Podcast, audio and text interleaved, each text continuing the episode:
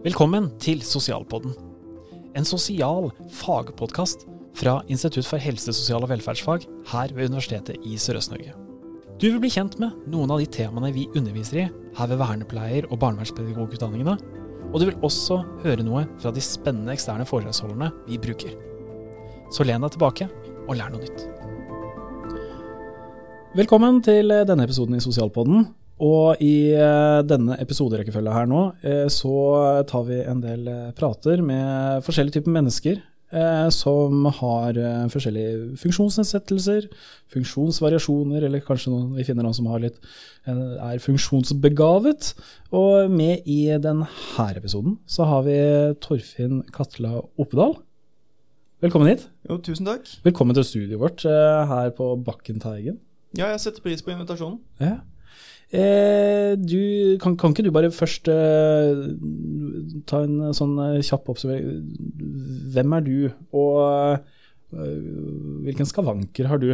Ja, jeg heter Torfinn. Eh, jeg er 28 år og kommer fra Horten. Jeg er blind og bruker rullestol. Men jeg er ikke født blind eller født med noe problem med beina. Nei. Jeg starta med synet i 2006. Da var jeg 13 år gammel eh, og ble helt blind i 2012. Ja, ja. De første åra da jeg starta med synet, var veldig skummelt, fordi jeg visste ikke hvorfor jeg mista synet. Men eh, etter to år så fikk jeg diagnosen Wolfram syndrom, som er et veldig sjeldent genetisk syndrom. Og da, det var en lettelse, fordi da visste jeg hvorfor jeg begynte å miste synet, selv om det var veldig uklart hva som skjedde. Men da bestemte jeg meg for å ta kontroll og starta med taekwondo. Mm. Eh, og fikk et sosialt nettverk og litt sånn. Og det syndromet det bryter ned gener, eh, så, eller nerver, eh, og derfor så har jeg nå også måttet begynne med rullestol. Det måtte jeg begynne med i fjor, i 2020, fordi beina mine gjør så vondt og er blitt så svake at jeg ikke klarer å gå mer enn noen få skritt. Jeg, jeg sa skavanker.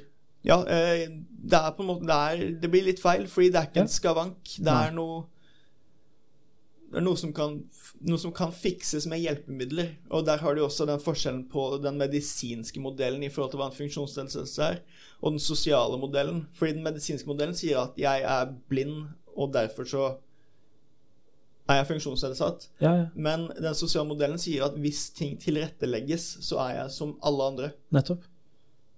Og tekniske hjelpemidler. Du skrudde av lyden på telefonen din, tror jeg? Ja, jeg skrudde av uh, mobilen min, og da brukte jeg det som heter voiceover. For jeg bruker en Apple. Det er en skjermleser som leser det jeg tar på. Ja, ja. Jeg hadde ikke kjangs til å skjønne hva det var. Nei, eh, da jeg starta, som at jeg hadde mye saktere. Eh, men nå pga. øvelse så har jeg fått det mye raskere, bare fordi jeg vil bli fort ferdig. ja, nettopp. Men hele tiden, for, for at uh, når du skrudde av telefonen i stad, så kom det Jeg oppfattet det bare som noe bråk. ja, Og det var jo da sånn Siri eller noe sånt, er det ikke det? Jo, eh, som, som, sier noe? Ja, eller er voiceover, så det er en stemme jeg kan velge hvilken stemme jeg skal bruke. Ok. Og den forteller deg hva som skjer på skjermen? Den forteller meg hva, som, hva jeg kommer nære, og hvilke knapper jeg trykker på. Ok, Stilig. Og, og, og, og, det er jo kanskje et veldig stort hjelpemiddel i livet, livet ditt generelt? Absolutt, det bruker jeg veldig mye, fordi da kan jeg eh, bruke både sosiale medier, jeg kan sende meldinger, jeg kan ringe folk. Ja. Jeg kan surfe på nettet, alt mulig sånt noe. Alt, all tekst jeg tar på, blir, eh, blir, lest opp. Men da har du det problemet i forhold til tilrettelegging, ja. Eh, hvorav det er enkelte som legger ut tekst i form av bilder, sånn et bilde med tekst. Ja. Og det får jeg da bare opplest som bilde, med mindre det er lagt til en, det som heter alt-tekst, altså en forklaring på hva bildet er. Ja, sånn, ja.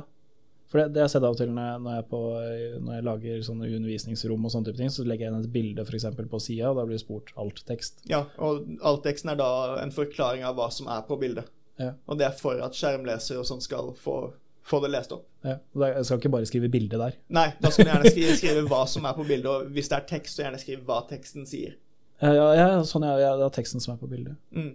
Nei, for jeg, jeg, tenkte på det liksom, her om dagen da jeg sendte noen meldinger til deg på Facebook. Eh, så ble jeg tenkt på det, og så sendte jeg en smiley, for jeg er så vant til å skrive smiley. Får du med smiley? Smiley blir lest opp. Eh, de blir forklart f.eks. For smilende fjes, gråtende fjes. Ah, ja, ja. Sånne ting. Stilig.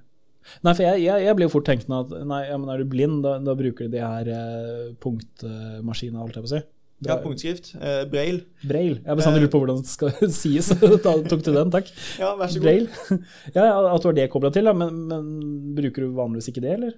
Nei, eh, det kan jeg ikke bruke, fordi eh, pga. den nerveproblemet da, så er sensibiliteten i hendene mine er så ødelagt, så jeg klarer ikke å kjenne de kno- knottene. Ja, ja. Eh, Så derfor så bruker jeg skjermlesere og sånne ting. Er det litt sånn at skjermleseren begynner å ta litt over for den braille-funksjonen? Ja, det, har helt, ja, det er flere og flere nå som ikke trenger brill fordi skjermlesere, eh, og så har du forskjellige skanne-apper som kan gjøre fysisk tekst om til noe som skjermen kan lese. Mm. Eh, Og det er også, det meste fins på lydbok i dag. Ja, absolutt. Og så, hvilke andre hjelpemidler tenker du er viktig sånn i livet ditt? Eh, I livet mitt nå så er det også veldig viktig eh, at jeg har en rullestol som fungerer. Ja, Eh, Og derfor så har jeg en sånn liten stol som heter en aktiv stol, som er en idrettsstol. ok. Sånn at jeg skal kunne være aktiv. Stolen er ikke aktiv, jeg er aktiv. Ja. Uh, og videre annet enn det så har jeg også en sånn liten fargedekoder som er en liten sak som jeg kan sette inntil ting og trykke på en knapp, så får jeg vite hvilken farge det er. Ja. Så for eksempel hvis jeg vil pynte meg, da, så kan ja. jeg høre hvilken farge er det på klærne. Ja. Eh, men også det største hjelpemiddelet jeg bruker i dag, det er noe som heter BPA, altså borgerstyrt personlig assistent. Ja, ja. Eh, Fordi det er da en person som hjelper meg, eller assisterer meg. Fordi det er ikke en person som skal ta vare på meg, det er et hjelpemiddel sånn at jeg skal kunne klare å ta vare på meg selv. ja. Som eksempel med en BPA så kan jeg lage mat, og BPA kan si om jeg tar riktig Tar jeg, jeg, tar jeg melk, eller tar jeg kulturmelk, eller ja, ja. sånne ting. Sånn som man ikke da kan kjenne. ja. Ah. Rullestolen din. Ja. Den, eh, det var et begrep som jeg, som, eh, når jeg pratet med Rolf Tore Kjærland for litt, eh, litt siden, som også sitter i rullestol, så, så prata vi litt om det begrepet, det å være fengslet til rullestolen. Ja, det er Altså, jeg har veldig mye selvironi. Ja, ja. Jeg tar meg veldig lite nær av ting, men akkurat det å være lenka til rullestolen, eller fengsla i rullestolen, det er, det er faktisk noe jeg tar meg nær av. Ja. Fordi rullestolen er ikke et fengsel. Det er noe som gjør meg fri. Jeg velger selv å bruke den. Og Ja. derfor, sånn, sånn som nå når jeg sitter her i studio, så liker jeg best å sitte i uh, en annen stol, bare fordi jeg syns det er deilig å komme seg litt ut og ikke Ja, ja. bare sitte fast i den. Fordi jeg er ikke fast i den. Jeg velger å bruke den. Jeg Ja. velger å bruke den sånn at jeg kommer meg ut, sånn at jeg ikke bare ligger eller sitter hjemme. Og så når vi, når, når vi prata om, eh, om, om du kunne komme hit eller prøvde å avtale, så skrev du liksom det Ja, nei, for jeg, du skrev et eller annet med assistenten din. Ja. Og så tenkte jeg på ja, hvor mange skal jeg lage plass til i studio her? Ja, eh, og det er bare fordi jeg trenger hjelp til å finne fram. Men når jeg f.eks. skulle møte deg, så regner jeg med at du vet hvor vi skal. Så da bare følger jeg etter lyden av stemmen din. Ja, ja. Og derfor så er ikke min assistent her nå. Nei. Fordi jeg trenger ikke de for å puste, holdt jeg på å si, eller for å snakke. Nei, nei. Nei, for det er en annen ting, da. For, for eh, når vi prater om funksjonsnedsettelse, men det er et annet eh, begrep som jeg syns er litt eh, spennende å se på av og til. Det er funksjons... eh, Jeg sa det i stad. Funksjonsbegavet. Hva, hva tenkte du om det begrepet, da? Ja, det var eh, et begrep jeg aldri har hørt før. Nei. Eh, og det gir når, du, når jeg tenker over det, så gir det mening. Okay. Fordi uh, man kan faktisk bli begavet på enkelte områder. Uh, og sånn som jeg, som da har sett, men har mista synet jeg vet, for det, er positivt fordi jeg vet hva ting ser ut som. Ja, ja. Hvis noen sier til meg fargen blå, så vet jeg hva det er. Men samtidig så vet jeg hva jeg har mista. Jeg vet hva jeg savner. Eh, men det at jeg mista synet, det gjorde at jeg måtte begynne å tenke annerledes. Eh, eller jeg måtte ikke, men jeg valgte ja. å tenke annerledes. Så jeg starta da å lære meg ekkolokasjon, fordi da jeg starta med kampsport, så gikk eh, tankene mine med en gang til superhelten Daredevil, som er blind. Stemmer. uh, og da prøvde jeg å google for å finne kurs, men jeg fant ingen kurs i Norge, så det bestemte jeg for å lære meg selv. Ja. Uh, og da gjennom mye trening og øving både på skole og taekwondo og fritid og alt mulig sånt noe, så klarte jeg det såpass godt at jeg klarer å bruke det. Og nå når jeg er helt blind, så bruker jeg det hele tiden. Ja. Eh, Det ble faktisk så bra at eh, i 2014, så i mai, så skulle jeg prøve meg på sort belte. Og da ble jeg faktisk verdens første blinde til å ta sort belte i taekwondo. Eh, og etter at jeg gjorde det, så var det en kompis av meg som sa bare sånn Vi må teste hvor god den ekkolokasjonen din faktisk er. Ja, ja. Så da holdt han opp et visst antall fingre foran meg, og ved å lage klikkelyder så klarte jeg å høre hvor mange fingre han holdt opp. Nettopp. Og det kan man da kalle for en funksjonsbegavelse. Ja, for jeg klarer det ikke, bare for å si det. Hadde tatt på meg et bind, så ville jeg bare blind for øynene, så hadde jeg bare gått rett på veggene her. Ja. Uh, Det kan jeg si av erfaring at det gjør vondt. Ja. Nei, for, for, for det var jo tingen, da. For, for det må jeg ærlig si at uh, når, når du kommer i rullestolen i stad, liksom, så, så gikk jeg ved siden av deg, og så skulle vi nedover en lang gang, og så, så, så ser, ser, ser jo jeg da med mine friske øyne at det er en relativt, relativt smal dør vi skal gjennom. Eh, og så, og så, så peiser du på med rullestolen din, sånn at du, du sikter deg inn der. Og så tenker jeg litt sånn, ja, men det er noen linjer i bakken her også. Det er, det er de han uh, peiser seg inn på. Kjen, kjen, du kjente de, eller? De kjente jeg, Ja. og det er det som heter lederlinjer. som er en tilrettelegging for folk som bruker mobilitetsstokk. Ja, nettopp. Og det er også noe som trengs mer ute i hverdagen. På universitetet her, for eksempel, så er det lederlinjer. Ja. Eh, på sykehuset i Vestfold, eller det som er i Tønsberg, Ja. så er det lederlinjer fra hovedinngang til synssenteret, men ikke noen andre steder. Nei, Og da er det sånn Ja, men det er jo ikke der blinde folk må gå mest. uh, og sånn som ute i Horten så er det kun lederlinjer fra bussen, eller der hvor bussen stopper, til, inn til bussholdeplassen. ja. Uh, og da er det også sånn Ja, vi trenger det alle andre steder òg. Ja. men det var ikke de jeg brukte da. De, da brukte jeg heller lyden av døra for å høre hvor, det, hvor jeg hørte en åpning. ja nettopp. For, for, og så kom vi inn på studioet her, og da var det jo øh, Da ser jeg at det er både dørstokk øh, inn, inn hit, og så er det, det var en veldig smal dør. Ja, eh, døra som er her, er det jeg ville sagt eh, er for smal for en rullestolbruker. Ja, for da tenkte jeg nå, nå ryker du knokene dine. Ja, det var det jeg var. Også derfor så tok jeg litt lavere fart for å Ikke få for vondt. For, for vondt. Ja, ja. Men vi trenger jo ikke å ha så smale dører. Nei, eh, og det er det også det som menes at eh, dører, spesielt på offentlige steder, burde eh, gjøres bredere. Mm. Sånn for at jeg Jeg har jo en veldig liten stol, Ja, så jeg klarte det. Men hvis jeg hadde hatt en litt større stol, f.eks. jeg har en stol hjemme med en hjelpemotor som er mye bredere, og den hadde ikke fått plass her. Nei. Hadde ikke fått plass her. Og øh, jeg ble også tenkt om det nå når jeg i løpet av siste uka sendt noen meldinger og ringt litt rundt omkring om, om, om å ta, eh, lage sånne her episoder. Så, så har jeg sittet og tenkt på det, ja, men eh, studioet vårt Hvis jeg tar det her i Nå, nå er vi på Bakkenteigen i Vestfold, liksom. Eh, det, er det faktisk tilrettelagt her? Og, og, og alle de denne, Det jeg blir sittende og tenke på, at bare det eksempelet her, det, hvor viktig det er at eh, noen mennesker med funksjonsnedsettelser kommer og sier sin mening, de, hvordan de forstår ting, hvordan de ser samfunnet. Det er jo kjempeviktig også med tanke på ytringsfriheten. Men plutselig så har vi bare Det er jo en relativt banal ting, da, men, men, men du, du, det er ikke tilrettelagt å kunne komme hit og si det man mener engang. Nei, og det, det er et problem. Det er ofte at de som lager tilrettelegging, det er gjerne funksjonsfriske. Ja. folk som ikke har en funksjonsnedsettelse. Og når det tilrettelegges, så tilrettelegges det kun der hvor de tror at vi skal. Mm. Eh, Der, det er jo faktisk en menneskerettighet, det der med fri mobilitet i hverdagen. Ja. Eh, Og hadde jeg hatt en litt større rullestol, så hadde det ikke vært tilrettelagt for meg inne her. Mm. Og derfor så burde folk med nedsettelse bli hørt på, eller Mm. spurt, når de skal tilrettelegge. Ja, ja. Og det burde tilrettelegges selv der hvor man ikke nødvendigvis tror at de skal, eller der hvor vi skal. Som f.eks. at det er lederlinjer til andre steder enn synsavdelingen på Ja, ja. sykehuset. Men for, for eksempel, nå, nå, nå har jeg kjent deg litt, Torfinn, men, og, og hvis jeg da skulle invitert deg med på middag hjemme hos meg, eh, og du hadde vært helt avhengig av rullestol, så, så hadde jo det blitt vanskelig. si. For, for der er det jo to-tre trappetrinn to ganger før du, før du kommer inn, eh, inn opp inn døra mi, eh, egentlig bare. Eh, og, og da blir jeg sittende og tenke på hvordan det her type ikke er tilrettelagt overalt, hell, også ikke hjemme hos andre mennesker, hvordan det eh, kan bli en es, eh, ekstra ja, ikke fun intended, en ekstra terskel. Eh, for Det var kjempedårlig. Eh, for, for å delta i det sosiale. Jeg ville kanskje da tenkt at nei, men skal jeg invitere da Torfinn eller ikke? Eh, for jeg vet jo at det er jo ikke tilrettelagt hjemme hos meg, og kanskje det er den lille tingen som gjør at jeg kvier meg litt. Grann.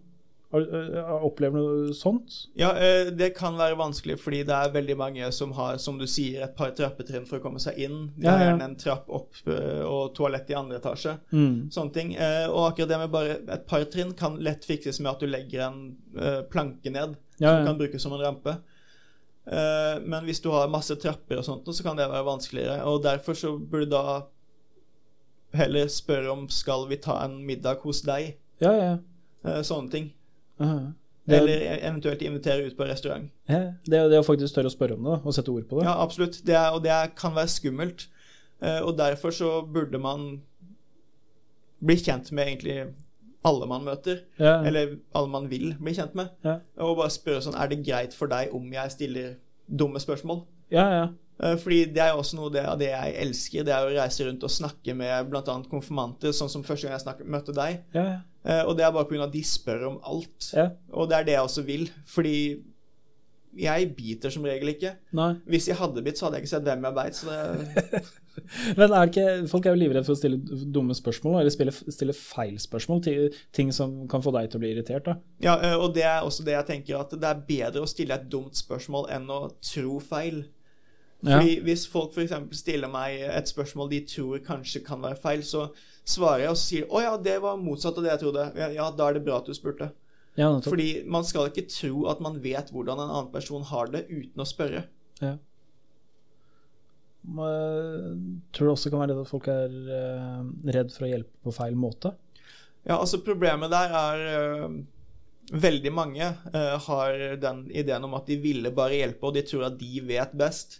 Ja. Eh, så uten å spørre, så kommer de og skal hjelpe. Eksempel, jeg bor i en bakke, eller ved en, ved en bakke, og det var en dag jeg sto og dytta oppover, fordi jeg liker veldig godt å uh, ta rullestolen opp den bakken for, bare for å få trening. Ja, ja. Uh, og da var det en person som kom bak meg og bare dytta meg uten å si ifra. Jeg, jeg ble jo livredd. ja det skjønner jeg. Eh, og da holdt jeg fast og klarte å stoppe, og da til slutt så blir personen irritert og sier, eh, sier unnskyld på en måte som om jeg burde bare vært takknemlig. Ja, ja. Eh, eller sånn for eksempel hvis man skal på bussen og spør kan du hjelpe meg, og så sier de ja, men det er ikke sånn du trenger hjelp. Ja, sånn, ja, jeg vet hvordan jeg trenger hjelp bedre enn du vet hvordan jeg trenger hjelp. ja, ja. Så derfor så mener jeg at det er supert å spørre, og du kan godt tilby hjelp, men da må det også være greit å si nei. ja, ja selvfølgelig.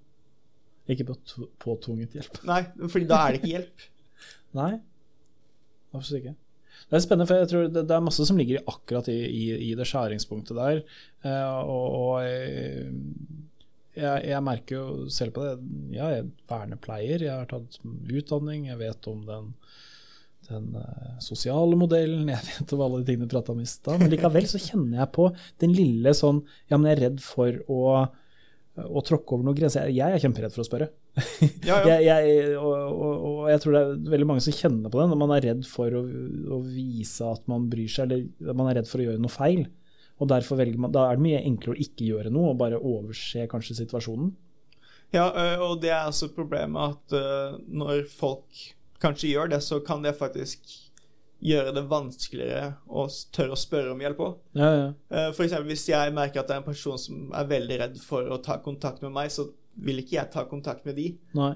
Uh, og sånn så sier jeg ofte når jeg blir kjent med folk, eller når jeg holder foredrag, eller sånne ting, at det er bare å spørre. Ja, ja. Jeg syns det er helt supert òg.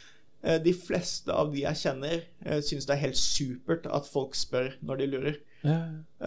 Eneste er sånn hvis eh, du kan kanskje spørre om samme ting ti ganger, så blir det kanskje litt slitsomt. Men uh, Ja. å stille et spørsmål én gang går helt supert. Ja. Uh, og de aller fleste syns det er greit at folk spør. Uh, det er noen sure, men sånn er det angående både folk med og uten funksjonsnedsettelser. Mm. Sånne folk er det overalt. Mm. Men de aller fleste er faktisk hyggelige. Tenk, jeg holdt på å si det i stad, at jeg som er funksjonsfrisk, og så blir det de andre som har funksjonsnedsettelser. Ja. Det er en spennende måte, og jeg mener det er en helt feil måte å tenke på. Da, for, for du var jo en av oss, bare for å overdrive den Ja, ja. og også dere-tankegangen. da. For, for, for du var jo funksjonsfrisk, og så fikk du funksjonsnedsettelse. Ja, eh, og det er også et problem. Det er at folk tenker på menneskeheten som grupper, uansett om det gjelder kjønn eller legning eller funksjonsnedsettelser og sånne ting. Men vi er faktisk mennesker alle sammen. Ja. Vi er vi. Vi er ikke oss og dem. Mm. Det er denne med gruppering og tribalisering, holdt jeg på å si. Nei, nei, for det slår meg bare veldig mye sånn at, at liksom, hvorfor er det viktig med uh, universell utforming? Eh, hvorfor, og da, da hører du kanskje at noen øh, tenker, noen politikere, administrasjonen sier ja, nei, for, ja, hvorfor skal vi tilrettelegge så mye for dem? Men det er jo ikke dem, det er jo flere som jeg har pratet og jeg skal prate med. De, de, de har jo vært funksjonsfriske og kanskje også sittet i posisjoner til å kunne gjøre noe med det, og så plutselig så skjer det noe i livet deres som gjør at et halvt år etterpå så er de avhengig av den tilrettelegginga. Så, så i utgangspunktet så handler det om at vi bare som et samfunn er nødt til å tilrettelegge for den muligheten at vi selv kan, kan få funksjonsnedsettelse, for det her handler jo om alle. Ja, absolutt. Det handler om alle. Og universell utforming er ikke bare for noen, men universell utforming er nødvendig for noen og bra for alle. Ja. F.eks. For eksempel hvis, eh, hvis det er lagt til rette sånn Bare for å ta data, da, Ja. som ofte er tilrettelegging, det er at det, hvis en side er universelt utforma, så kan det være mulig for meg, og det kan være enklere for deg å Ja. bruke den siden. Uh, hvis det er dårlig universelt utforma, så kan det være umulig for meg og vanskelig for deg. Mm.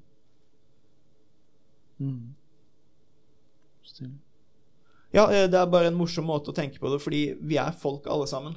Ja. Uansett hvordan vi eh, har nedsettelser eller fysiske skavanker eller hva det enn er. Ja, og, og så er det et eller annet at det, det, det er noen, For noen er det et helt stort behov, men det kommer til gode for veldig mange. Jeg ble sittende og tenke på teksting av videoer, f.eks. Ja. Jeg, jeg, er jo ikke, jeg er jo ikke døv, men jeg bruker den tekstinga Ja, ja, på? Netflix. Ja. Jeg syns det er veldig behagelig. Av og til så, blir det mange som prater litt over hverandre, og sånn, så sitter jeg og støtter meg opp til det. Jeg sitter og tenker på undervisningsvideoer veldig ofte også, når jeg sitter og ser eh, mennesker som prater om komplekse ting. Så, så syns jeg det er støtte å ha den der teksten under. Ja, fordi det kan være vanskelig å følge med og få med seg alt. Er jo- jeg er jo helt elendig på å huske navn, f.eks. Så skal vi se på sånne serier der, der jeg skal prøve å finne hvem som er hvem. Så det, bare det å se navnet Ja, det ja. hjelper en god del.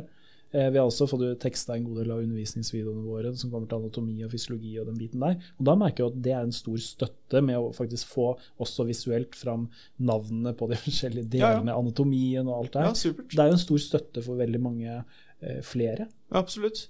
Uh, og der eh, er også det med, sånn som du nevner Netflix, Mm. har, er veldig gode, både Netflix og Disney Pluss er veldig gode på Det er en tilrettelegging som kalles synstolking, Ja, hvor stemmer. Det man ser, blir forklart for for oss som ikke ser, da. Ja, ja. Eh, Og det kan være greit, fordi jeg har også sett flere, med flere venner sett på videoer med synstolking, og da er det bare sånn Oi, sier de. Oi, det la jeg ikke merke til. Nei. Og så, Nei, men da var det godt at vi hadde på det. Ja, det skal jeg teste. Så, så det er ikke sånn at jeg, hvis jeg velger å se på det, at det, liksom det de sier, skuespillerne, det blir borte, holdt jeg på å si? Nei, eh, da blir forklaringa fortalt mellom dialogen. Ok. Så man mister ingenting. Nei, det blir jo bare sånn ekstra eh, greie som bare forteller det visuelle, eller hvem som Ja. går hvor. Og... Det, så det kan bli slitsomt. Ok, ja. Det skal jeg si. Men uh, i små perioder så er det helt supert. Ja. Og det er jo bare noe å skru på. Absolutt. Det er en god oppfordring til å prøve ut den funksjonen også. Nei, supert, Torfinn. Da ser jeg at vi begynner å nærme oss eh, slutten. Og har det gått så fort? Ja, ja, det har gått kjempefort. Du er- 22 minutter. Ja, du er for hyggelig. takk det samme, Torfinn. Takk, takk. Tusen takk.